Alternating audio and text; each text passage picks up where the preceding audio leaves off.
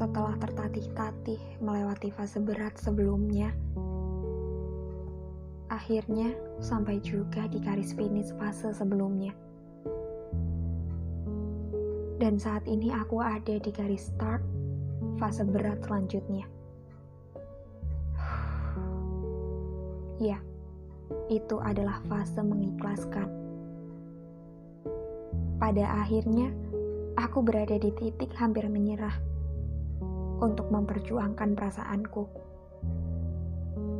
Kalau saja terus aku paksa untuk terus memperjuangkan perasaanku itu, aku pikir itu adalah hal paling egois, bodoh, dan keterlaluan yang mungkin saja bisa merusak diriku sendiri.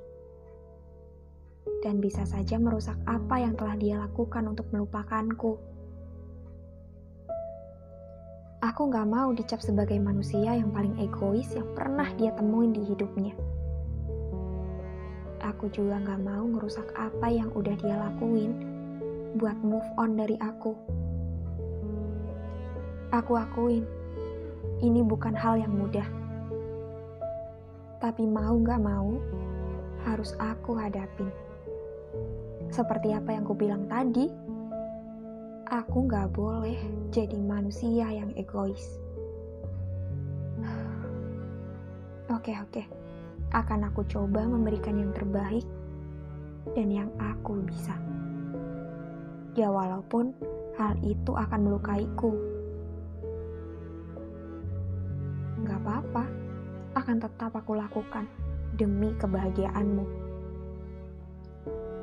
Ya yang jelas, Gak mungkin aku berhasil menghadapi ini semua dalam waktu singkat. Aku yakin butuh waktu sangat lama buat ngelewatin fase berat ini.